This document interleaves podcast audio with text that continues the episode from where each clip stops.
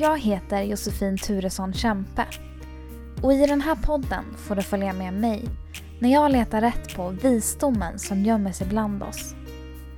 Mitt mål är att gå till botten med de där djupare frågorna som vi alla innerst inne bär på. Vad är meningen med livet? Vad är roten till våra samhällsproblem? Hur aktiverar vi vår fulla potential? Och hur blir vi lyckliga? Det här är Visdomsjakten och jag hoppas att den här podden ska ge dig inspiration till att leva ett medvetet liv, växa som person och hitta din grej. Vi gör den här resan tillsammans för en visare värld.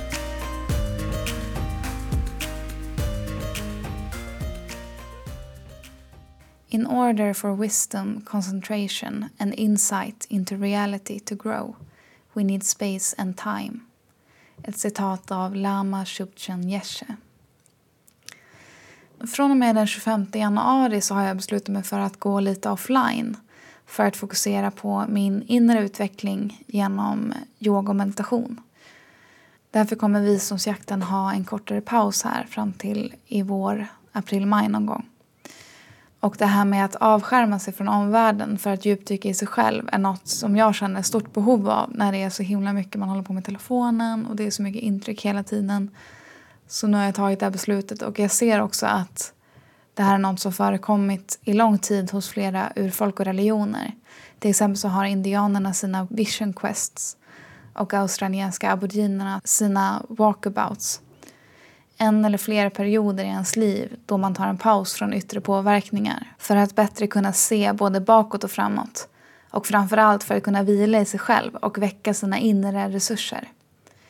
I östen är det tradition att människor minst en gång i sina liv söker sig till zenkloster i Japan, till buddhistiska kloster i Thailand och till indiska ashram för att få träning som varar i flera månader och ibland år.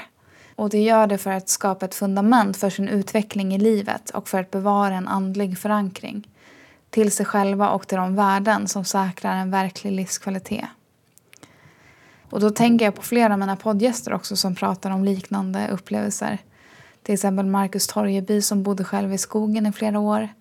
Joey Price som upptäckte nya delar av sig själv genom att sitta stilla i skogen på Johanna Linstad som gick vilse i bergen i Indien och kom tillbaka som en ny person. Alla har något gemensamt och det är tid för stillhet, reflektion, avsaknad av teknik och minskat antal intryck som jag ser det. Space and time, som också Carol pratar väldigt mycket om, som var en av de första jag intervjuade. Så jag vill informera om det att jag går lite i ide nu från 25 januari till slutet av april.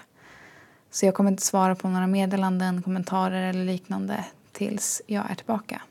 Men när jag är tillbaka så har jag stora planer för visdomsjakten. Ta hand om er själva, ge tid till stillhet i den form som passar dig. Kanske ta promenader utan telefon ibland, sitt några minuter och titta ut genom fönstret. Meditera eller bara känn kroppen och vara närvarande en stund. Alla är olika men jag tror att vi är många som är i behov av mer stillhet i den här hetsiga världen vi lever i med mycket intryck i dagens samhälle. Mycket höga krav på teknik och tillgänglighet. Är du sugen på att utforska yoga och meditation så skulle jag varmt rekommendera den här yogaskolan jag har gått på vid Odenplan som heter Skandinavisk yoga och meditationsskola. Där de också har flera retriter och eh, du hittar dem på www.yoga.se. Det är en väldigt gedigen ursprunglig yogatradition som lärs ut där.